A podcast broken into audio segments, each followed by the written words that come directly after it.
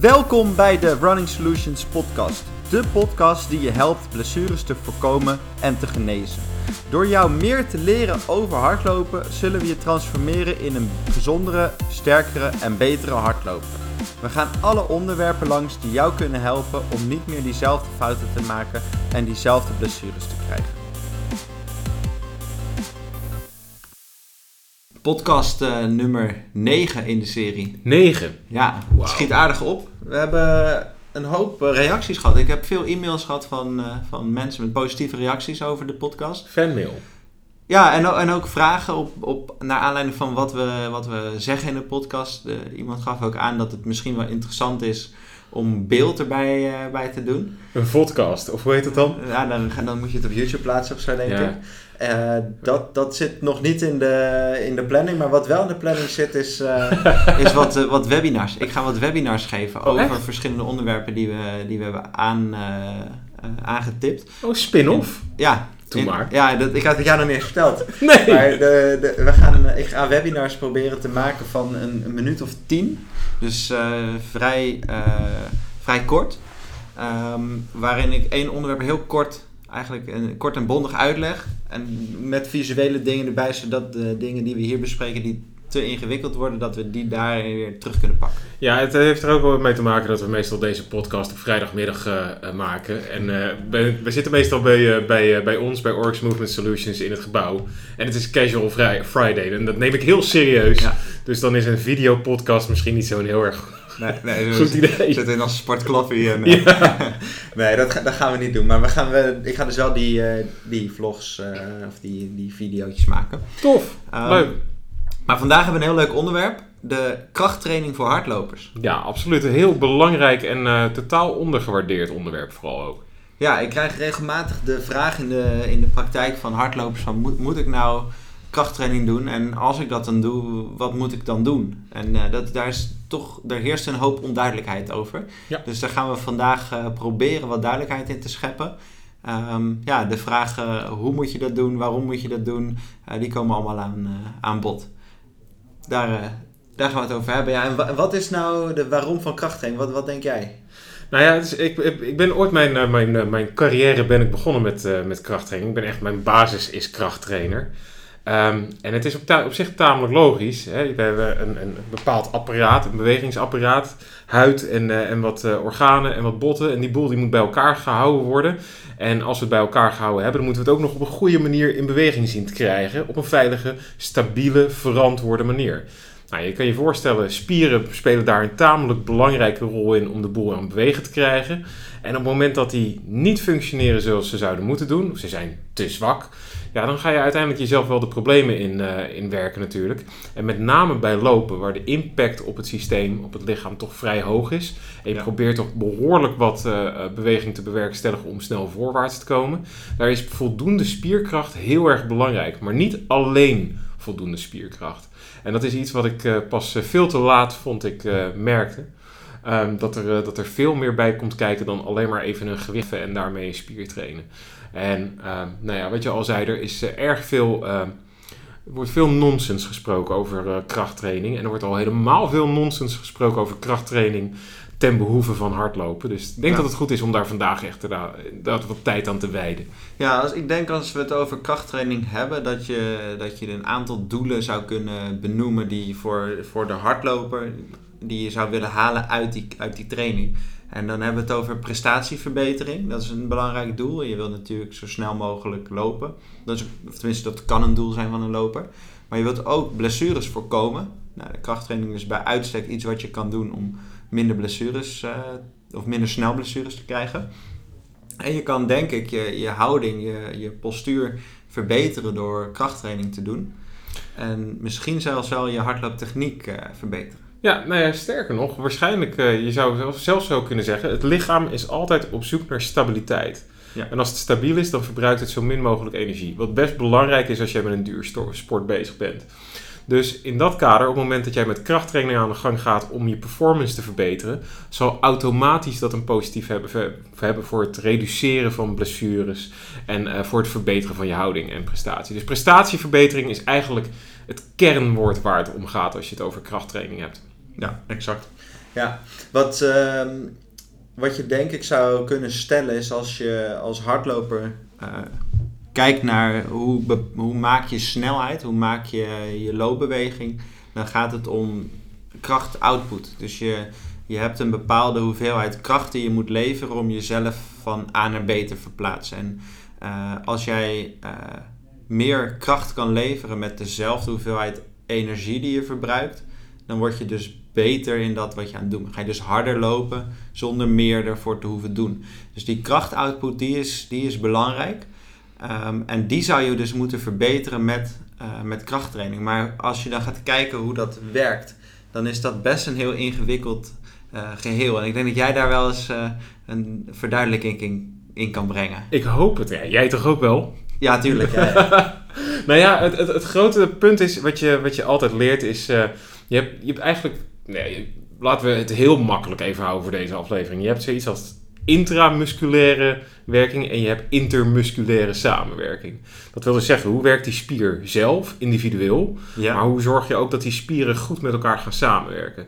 En wat Dat je, zouden we denk ik nog duidelijker kunnen maken. Je, je- eigenlijk bedoel je te zeggen, volgens mij, je hebt één spier. En in een spier liggen een heleboel vezels. Eh, Spieren zijn opgebouwd uit vezels.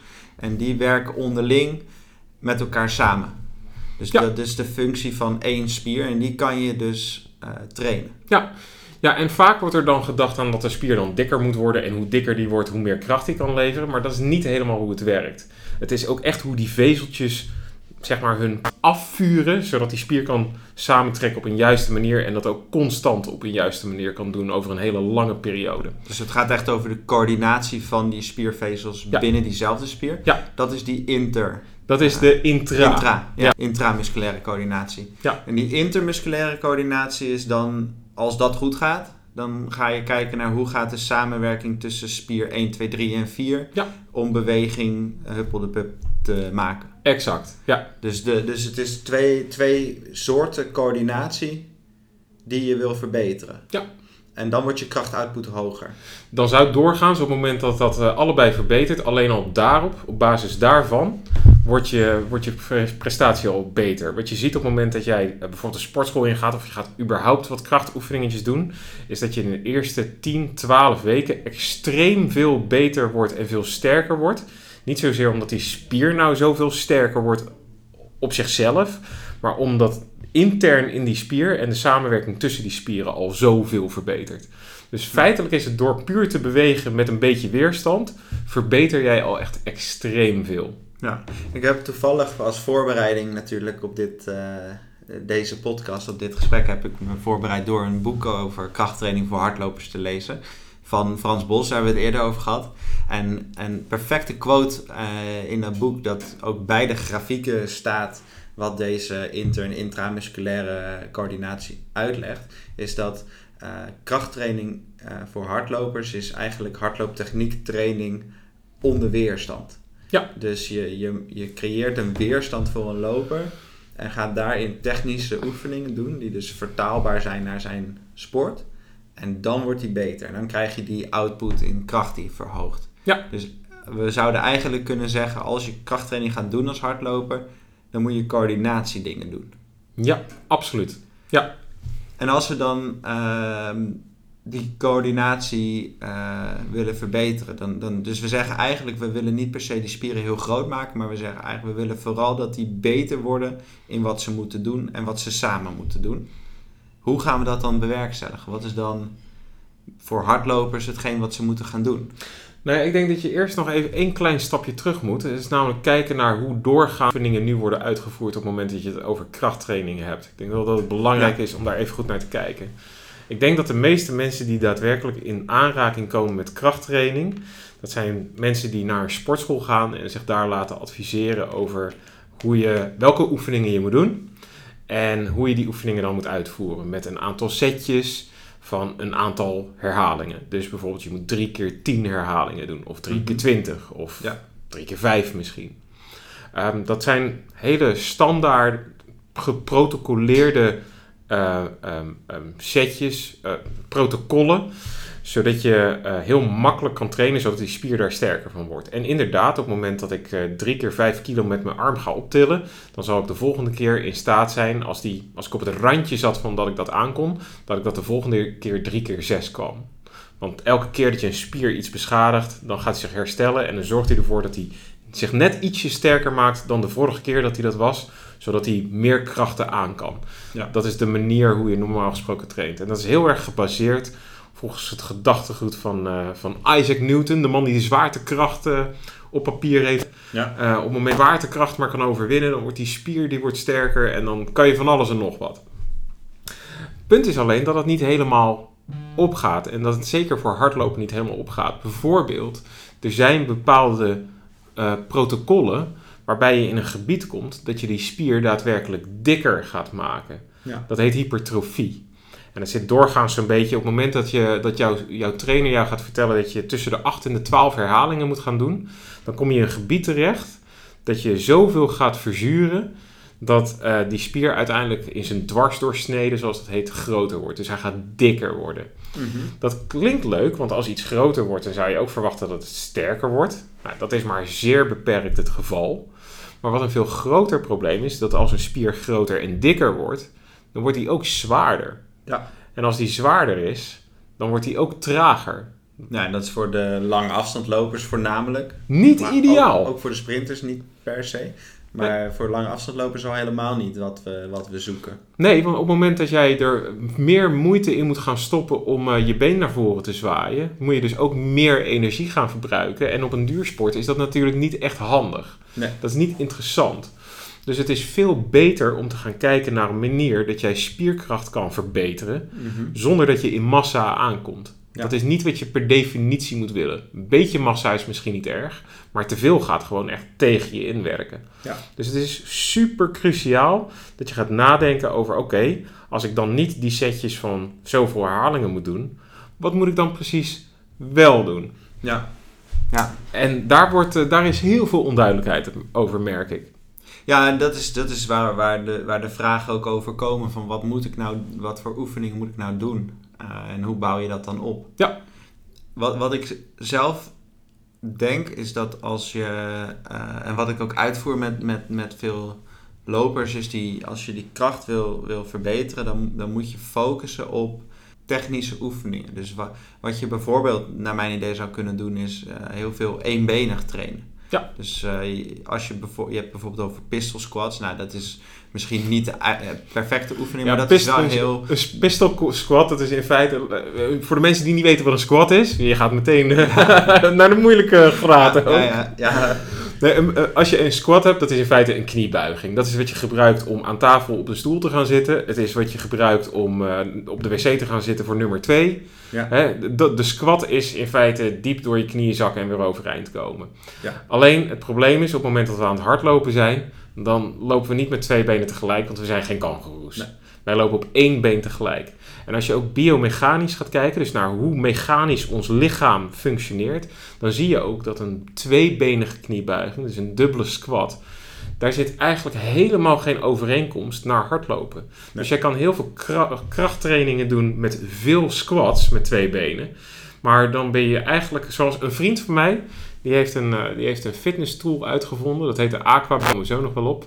En die, uh, hij is ook de hoofd uh, performance coach van de Honkbalbond onder andere. En hij zegt altijd, mijn grote gewaardeerde vriend Paul Venner... Als jij heel zwaar kan squatten met twee benen, dan ben je daarna in staat om heel erg goed te kunnen poepen. en dat is op zich is dat waar. Kijk, het is niet fout, je bouwt er kracht mee op. Alleen de, het is maar heel beperkt hoe je die kracht ook nuttig kan omzetten in een praktische beweging, zoals de loopbeweging. Ja. Een eenbenige squat, daar heb je al veel meer aan.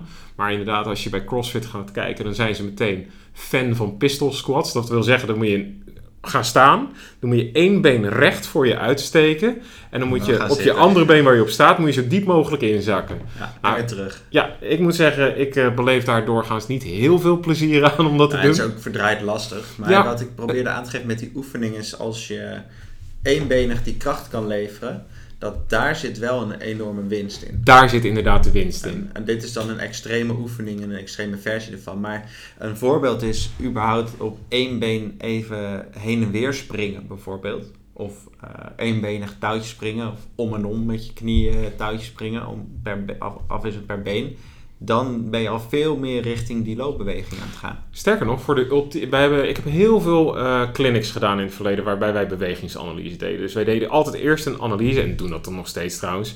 Eerst een analyse van hoe beweeg jij nou, maar ook waar zitten jouw tekortkomingen qua kracht. Uh, voordat we daadwerkelijk gaan hardlopen. Dan konden we altijd nog een blokje doen met wat, hard, met wat gerichte hardloopkrachtoefeningen, zo mhm. gezegd. En wat je altijd zag was dat mensen uit de test kwamen en dan hadden ze heel erg verzwakt rond het bekken, konden ze dat bekken niet echt goed stabiliseren. Uh, je zag als we op één been gingen staan, dan ging die, die bekkenhelft waar het been van opgetrokken was, zakte helemaal naar beneden. Nou, die stabiliteit, als je iemand dan laat opstappen op een krukje van 40 centimeter hoogte, dan zakten ze daar doorheen en iedereen gaat wankelen en valt bijna om.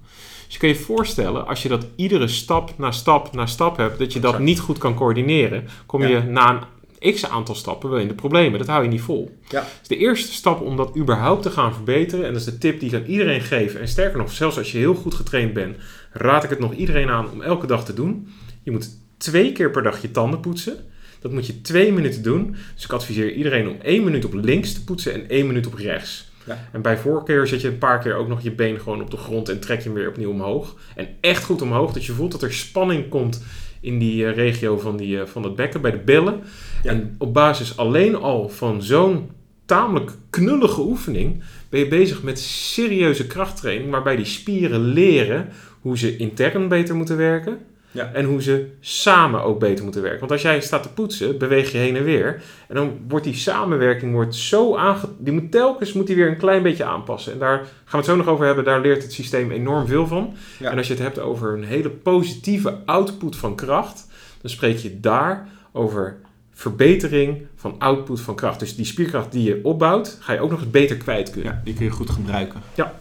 Wat, uh, wat we denk ik even moeten doen is benoemen welke structuren uh, welke spieren zijn nou eigenlijk belangrijk voor de loper? Lijkt me voor jou als uh, therapeut de, de uitgelezen job. Ja, want wat mij opvalt in, in de praktijk is, is een, is een uh, samenloop van een aantal dingen die, die vaak niet zo goed gaan.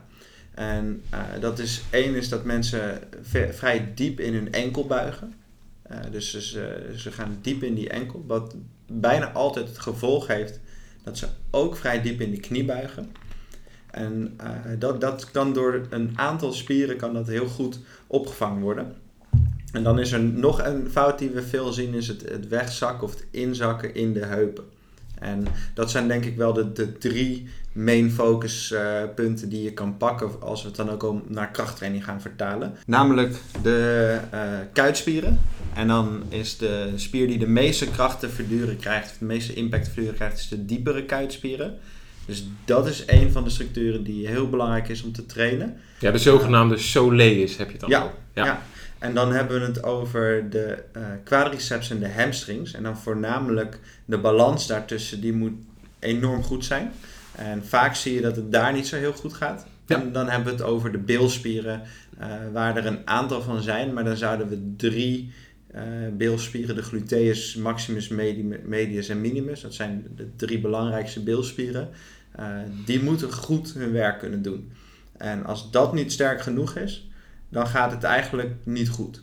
En dat zou dus ook de focus van krachttraining moeten zijn. Ja. Maar zoals we er straks al zeiden, het is eigenlijk niet puur die kracht van die spieren, want je kan ze heel sterk maken, maar het is veel belangrijker dat je ze leert gebruiken in datgene wat je gaat doen. En dat is hardlopen.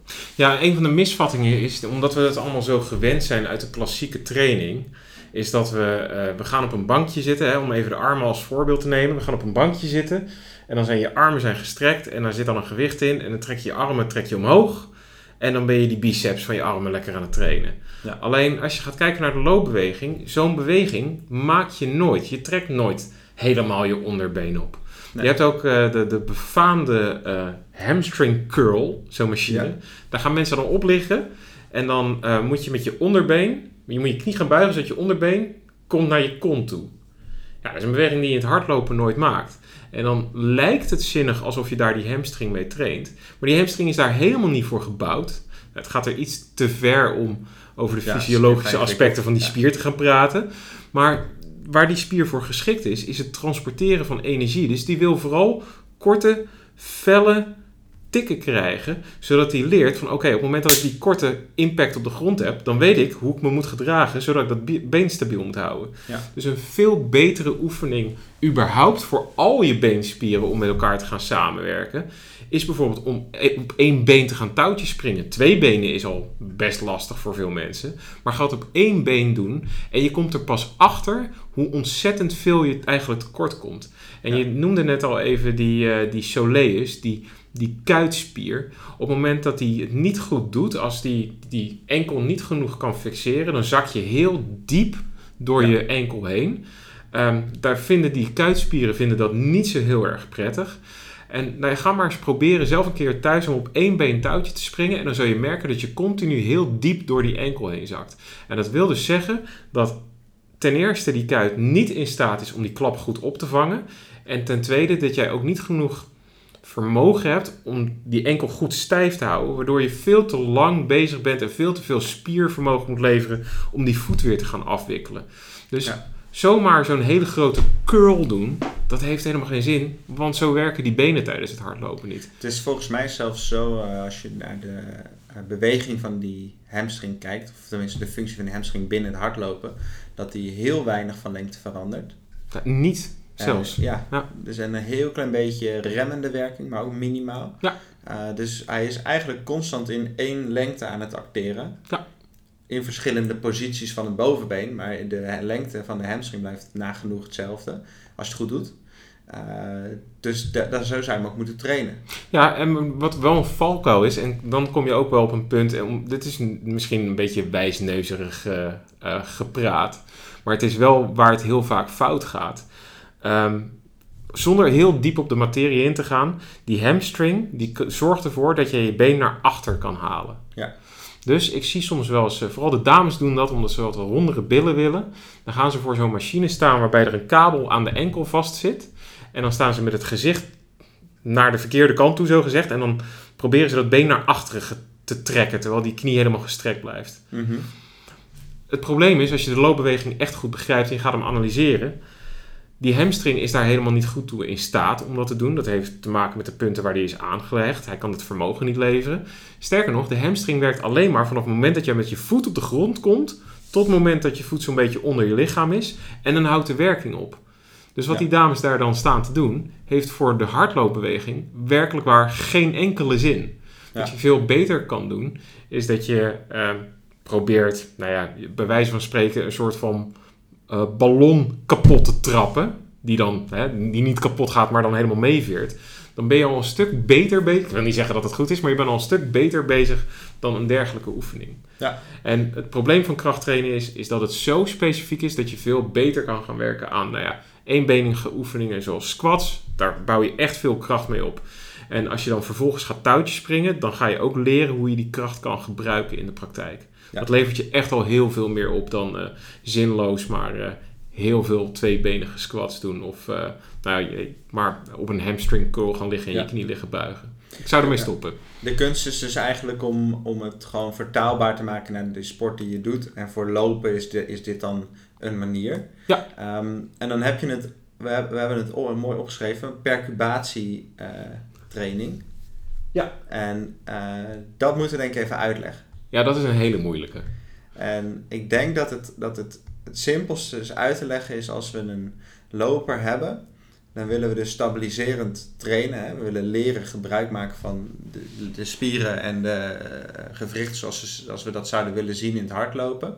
Dus eenbenig oefenen. En juist dan moet je dus gaan verstoren in wat, wat je aan het doen bent. Precies. En één woord wat je zei is heel belangrijk daarin. Leren. Ja. Er wordt heel veel in klassieke training wordt er gedacht, als we die spieren sterker maken, dan zal het automatisch wel goed komen. Dat is niet zo. Dat lichaam moet leren om die krachtoutput goed te krijgen. En dat leren van die spier, dat kan je maar door één ding doen en dat is inderdaad door verstoringen.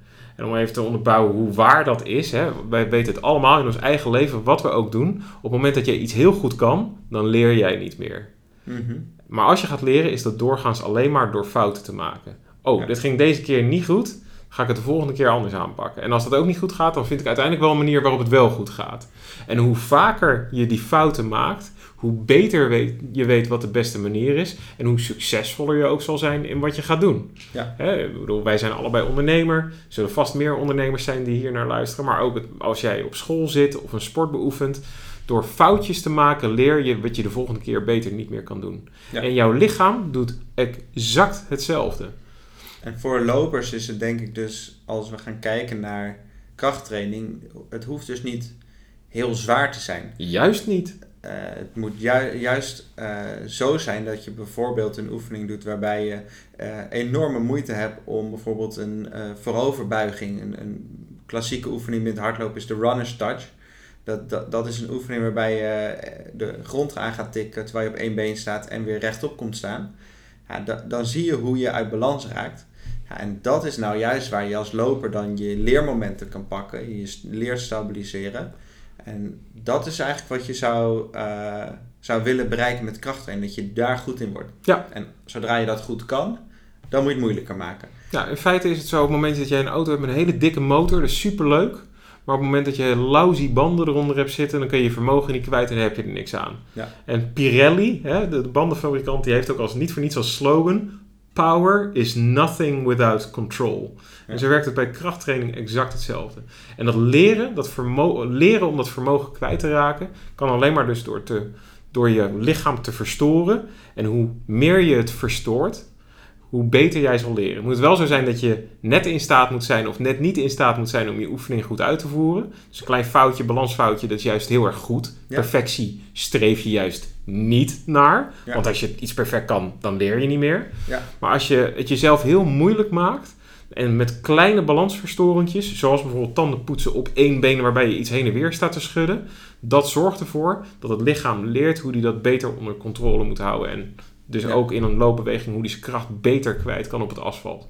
Wat ik eh, recent ben gaan doen is wat krachttraining voor groepjes. Nou, dat is nu vanwege corona weer eh, eh, onmogelijk, vanwege de regels. Maar ehm, Ik denk dat deze podcast nog twee jaar recent blijft. Ja, ja, zou maar zo kunnen. Ja, je, kan bijvoorbeeld, je kan bijvoorbeeld in die, in die krachttraining, wat, wat ik dan mensen laat doen, is met uh, Aquaback, waar je, je had het net over, over Paul Venner, die heeft de Aquaback ontwikkeld.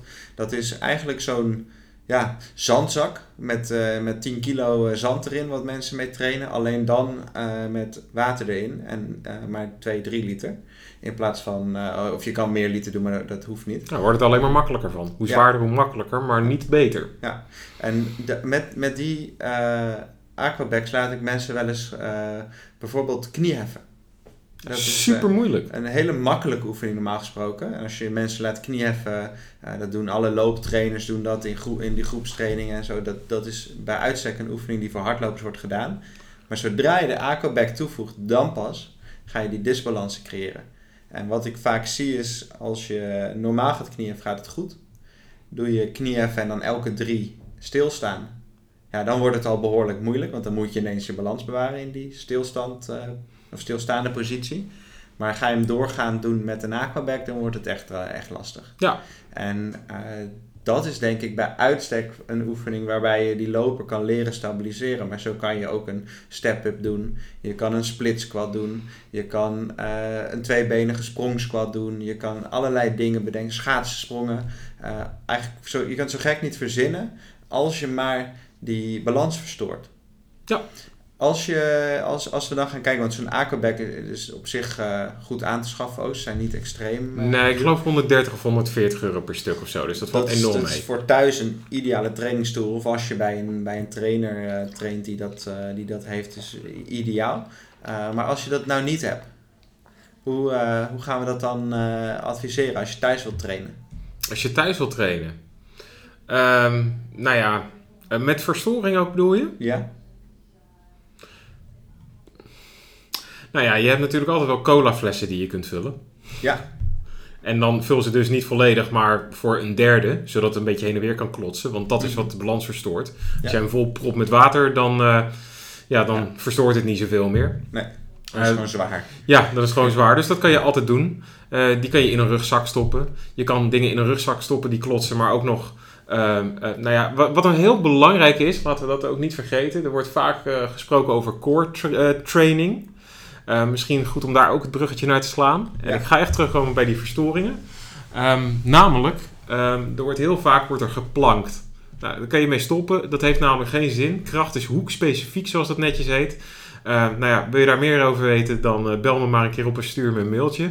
Maar eh, het wil alleen maar zeggen dat op het moment dat jij iets in een liggende plank doet, dat wil niet zeggen dat je dan ook als je staat gebruik kunt maken van die spieren. Die spieren die hebben namelijk niet geleerd hoe ze het staan moeten gebruiken. Terwijl je wel misschien drie minuten lang in een plankhouding kunt liggen. Vooral doen als je er zin in hebt. Maar je moet niet verwachten dat je er per definitie beter van gaat lopen. Die structuren die zitten veel anders. En dan kom ik meteen bij hardlopen. Als je gaat kijken naar de topatletiek, de, de, überhaupt de topsport waar echt veel op lopen getraind wordt, dan zul je zien dat 80, 85 procent van alle loopscholingsoefeningen is met de handen boven het hoofd. Ja. En dat heeft er heel simpelweg mee te maken dat die befaamde core waar ze het altijd over hebben, ehm, buikspieren en rug, die zijn daar een belangrijk onderdeel dan van. Valt over te twisten, gaan we nog wel een keertje aanstippen. Ook het hele Ja. fenomeen core training, de zin en onzin daarvan. Maar wat er gebeurt is dat je die buikspieren en die rugspieren die aan het bekken vastgehecht zitten, leert om samen te werken met de hamstrings en de quadriceps en de rectus femoris. Nou, niet de quadriceps, maar ja, ook de quadriceps, maar de rectus femoris, die aan de voorkant van, of aan de onderkant van het bekken vastgehecht zitten. Ja. Als je dan boven je hoofd gaat rennen met flesjes water in je handen en een klotsende fles water in een rugzak, dan heb jij dermate veel balansverstoring dat je er extreem goed van gaat rennen. En nou ja, dat heeft ook nog te maken met het vastzetten van je lichaam, waardoor je benen nog beter gaan leren hoe ze moeten gaan bewegen en hun spieren moeten gaan gebruiken, zodat ze hun energie vrij eh, kwijt kunnen. Mhm. Maar boven je handen, met wat klotsende, of eh, met je handen boven het hoofd met wat klotsende flessen water, ja, dat is altijd goed. Ja. Ja, dus dat, is- dat zou dan een perfecte oefening zijn om eh, thuis te doen. Ja, zeker. En dan, is, dan ben je eigenlijk krachttraining aan het doen, maar je bent als het ware looptechniektraining aan het doen. Zeker. Zodat je niet met die saaie krachttraining eh, bezig bent en eh, jezelf besch- moet beschouwen als een of andere telmachine. Maar je bent daadwerkelijk effectief beter aan het worden. En het mooie van perturbatietraining, zoals dat heet, dus balansverstoringstraining, ehm, is ehm, ehm, dat je ook daadwerkelijk effect ervan merkt. Ja. Hè, zoals bijvoorbeeld als je op één been tanden gaat poetsen. Je merkt al op het moment dat je... Stel nou dat jij het nu doet en je kan het niet zo heel erg goed. Of jij stapt op een krukje en je gaat met je handen boven het hoofd ga je staan terwijl je je knie opgetrokken hebt. En je voelt wat disbalans. Als je dan die oefeningen doet en je herhaalt het nog een keertje zoals de eerste keer. Dus zonder dat je die balansverstorende elementen erin aanbrengt. Ja. Dan zul je al direct merken dat je binnen vijf minuten verbeterd bent. Ga je direct daarna hardlopen, loop je lekkerder. Omdat je lichter loopt, je loopt makkelijker. Omdat Ja. die spieren begrijpen hoe ze die handel daar rondom die bilregio allemaal moeten stabiliseren. Ja. Dus het is in feite, misschien moeten we het niet krachttraining noemen. Maar wat we doen is dat je niet alleen krachtige spieren krijgt, maar je wordt er echt sterk van. Ja. Dat is wel een heel verschil. Ja, dus je, je, wordt er, je krachtoutput wordt er vooral veel beter van. Power is nothing without control. En Ja. hoe meer controle, hoe meer je je kracht kwijt kan op het wegdek. Dus, eh, dus de, de take-home laten we, want daar kunnen we hem denk ik mee afsluiten. De take-home voor de loper is als je, dit, als je dit geluisterd hebt, zorg ervoor dat als je krachttraining doet, eh, wat je zeker moet doen, want dat, laat dat voorop staan. Het is enorm goed voor prestatieverbetering, voor blessures voorkomen, voor eigenlijk alles wat lopen betreft. Ehm, is het dus een meerwaarde. Maar doe het dan vooral zo dat je niet extreem zwaar, niet extreem veel eh, gaat tillen of gaat eh, squatten of dat soort dingen. Maar dat je vooral heel veel eenbenige oefeningen, heel veel sprongoefeningen, die je balans verstoren. Waarbij je moeite hebt om je balans te bewaren. En als je dat doet en het wordt makkelijk, dan moet je het zo doen dat het moeilijker wordt, dat je balans nog meer wordt verstoord. Dus dan ga je meer draaien of dan ga je meer met, met, met het water zwaaien of zo. En eh, dan gaat het zich vertalen naar beter lopen, harder lopen, eh, minder blessures. Eh, dat dat is denk ik de take-home van, van deze podcast. Ja, en vooral ga eens proberen om touwtje te springen. Het klinkt een beetje als terug naar het schoolplein. Maar ehm, een vermaard coach, wiens naam ik niet mag noemen, want als hij dit hoort, dan maakt hij me af. Maar die zei wel eens op het moment dat je iemand kan, goed kan laten touwtjes springen. Sterker nog, als die zo goed is met touwtjes springen dat hij al rennende kan touwtjes springen. Dan heb je eigenlijk helemaal geen coach meer nodig. Dat is de beste coach die je kan hebben. Touwtjes springen is zeer ondergewaardeerd. Ik laat het eh, op het moment dat eh, mijn atleten niet goed kunnen touwtjes springen, moet ik ze van mij nog niet te gaan lopen. Ja. Heel belangrijk. Ja. Want ook dat is verstoring. Hè? Absoluut. En ritme. Ja, en heel veel, wat lopen dan weer is. En de cirkel is weer rond. Ja. Prachtig. Dan kunnen we verwijzen naar de podcast over pasfrequentie. Bedankt voor het luisteren naar de Running Solutions podcast. Heb je vragen naar aanleiding van deze podcast of zijn er onderwerpen die jij graag besproken zou hebben in de toekomstige podcast? Laat het ons dan vooral weten. Dit kan je doen door te e-mailen naar Running Solutions of laat even een comment achter onder de Apple Podcast, eh, in Spotify of de andere podcast services waar we te vinden zijn.